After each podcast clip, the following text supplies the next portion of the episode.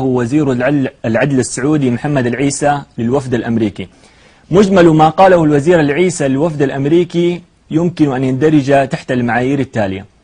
الإنسان حر فيما يدين الله به وليس لكائن من كان أن يجبره على معتقد أو دين أو مذهب. ناهيك عفوا ناهيك عن على أن يجبره على اتباع تأويل آه تأويل نص أو تفسيره أو شرحه.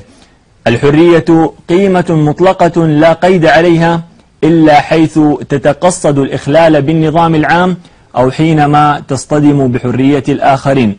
العلاقة مع غير المسلمين يجب أن تبنى على أساس مدني بحت لا يستصحب الدين أو المذهب في تكييفها.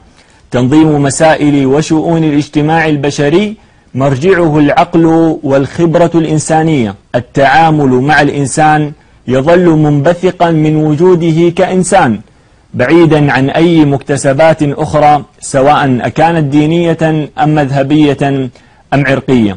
هذه المقومات الإسلامية لكل من الحرية الدينية الفردية من جهة أولى وعلاقات المسلمين مع غيرهم من جهة ثانية ومدنية شؤون الاجتماع البشري من جهة ثالثة والتي استقاها الدكتور العيسى من القرآن الكريم وحده تمثل صلب معايير الفلسفة الليبرالية في عمقها المعاصر. تلك المعايير التي ترمز إلى حرية الضمير.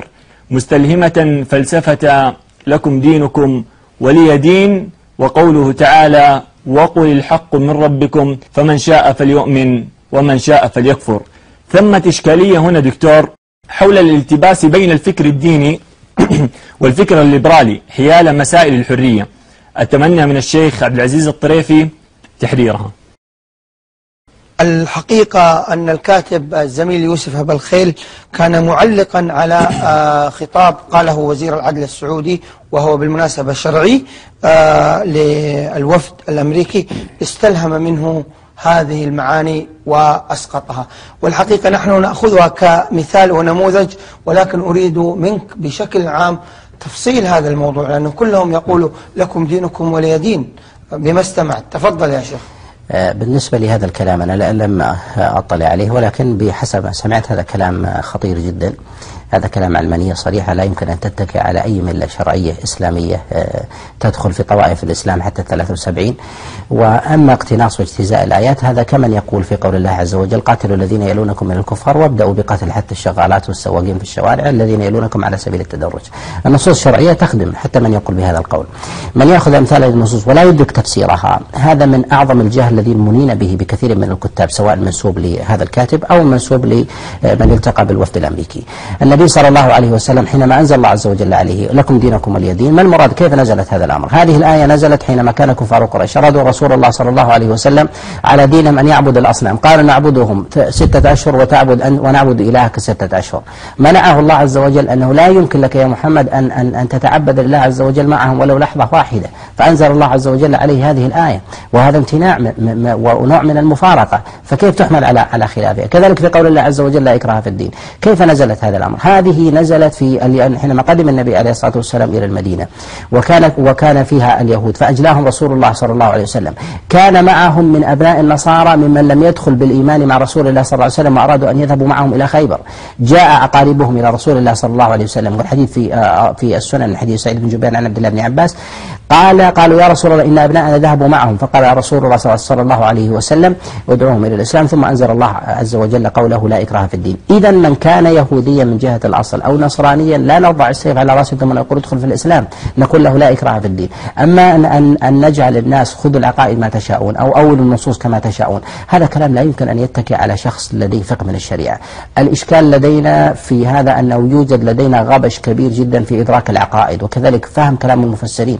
لو رجع هذا الكاتب أو رجع هذا القائل أو صحب المنقول عنه هذا الكلام إلى أي مفسر من المفسرين في شتى المذاهب حتى الصوفية الذين ربما لديهم توسع في أمور العقائد لا يمكن أن يقولوا بهذا القول هذا فكر علماني بحت ولهذا طبعا توجه عدة توجهات ما يتعلق في أمور العقائد ما يتعلق من أمور السياسة فإنه يرى أن الناس يحكمون أنفسهم بأنفسهم لا يحكمهم شريعة لا يحكمهم ملك لا يحكمهم مثلا نظام سائد وهذا نوع له مبحث آخر نعم.